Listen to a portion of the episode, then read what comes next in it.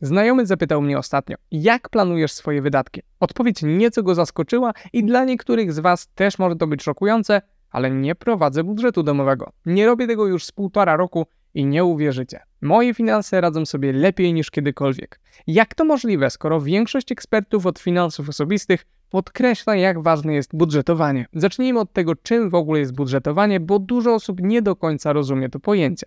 Prowadzenie budżetu domowego polega na przewidzeniu czy oszacowaniu wydatków na przyszłość. Jeśli więc jedynie zapisujecie wszystkie wydatki i dzielicie je na różne kategorie, to nie prowadzicie budżetu domowego. Takie coś to po prostu spisywanie wydatków, ale aby mówić o budżecie, musimy mieć ten element przyszłości.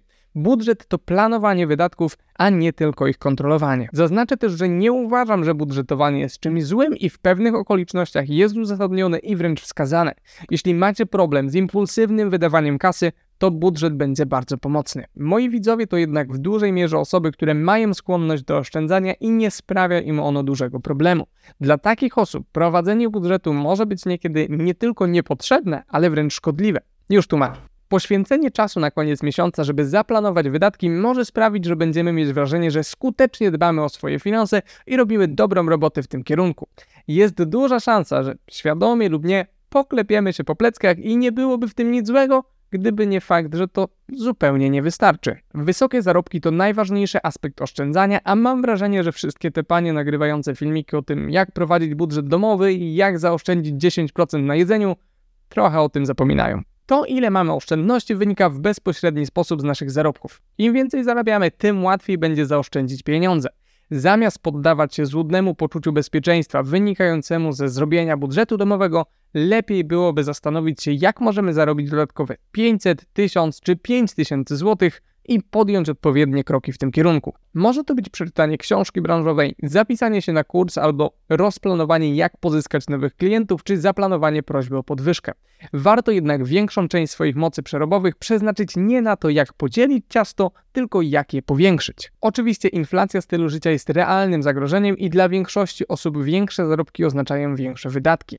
Nie ma w tym nic złego, jeśli rosną one troszeczkę, a nie o całą dodatkową kwotę, jaką dysponujemy i dlatego trzeba je trzymać pod kontrolą.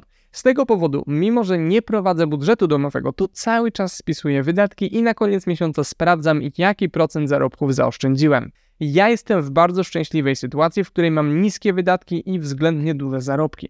Procenty można jednak dobrać do swojej sytuacji i celów finansowych. Jeśli macie podobnie, a więc oszczędzanie przychodzi Wam z łatwością, a w dodatku macie zbudowaną finansową poduszkę bezpieczeństwa, nic się nie stanie, jeśli nie będziecie prowadzić budżetu domowego. Moim zdaniem warto dalej spisywać wydatki, ale są też prostsze sposoby na ich kontrolowanie. Jeśli z drugiej strony macie problem z odłożeniem środków i pieniądze cały czas gdzieś wam się rozchodzą, a w dodatku od czasu do czasu zaskakują was jakieś nieprzewidziane wydatki, które stają się problemem, czy na które broń Boże musicie pożyczać pieniądze, to przykro mi, ale budżet będzie bardzo, ale to bardzo wskazany. W obu przypadkach warto też sprawdzić, czy przestrzegacie tych trzech reguł, które sprawiają, że zawsze ma się pieniądze. Zapraszam do oglądania.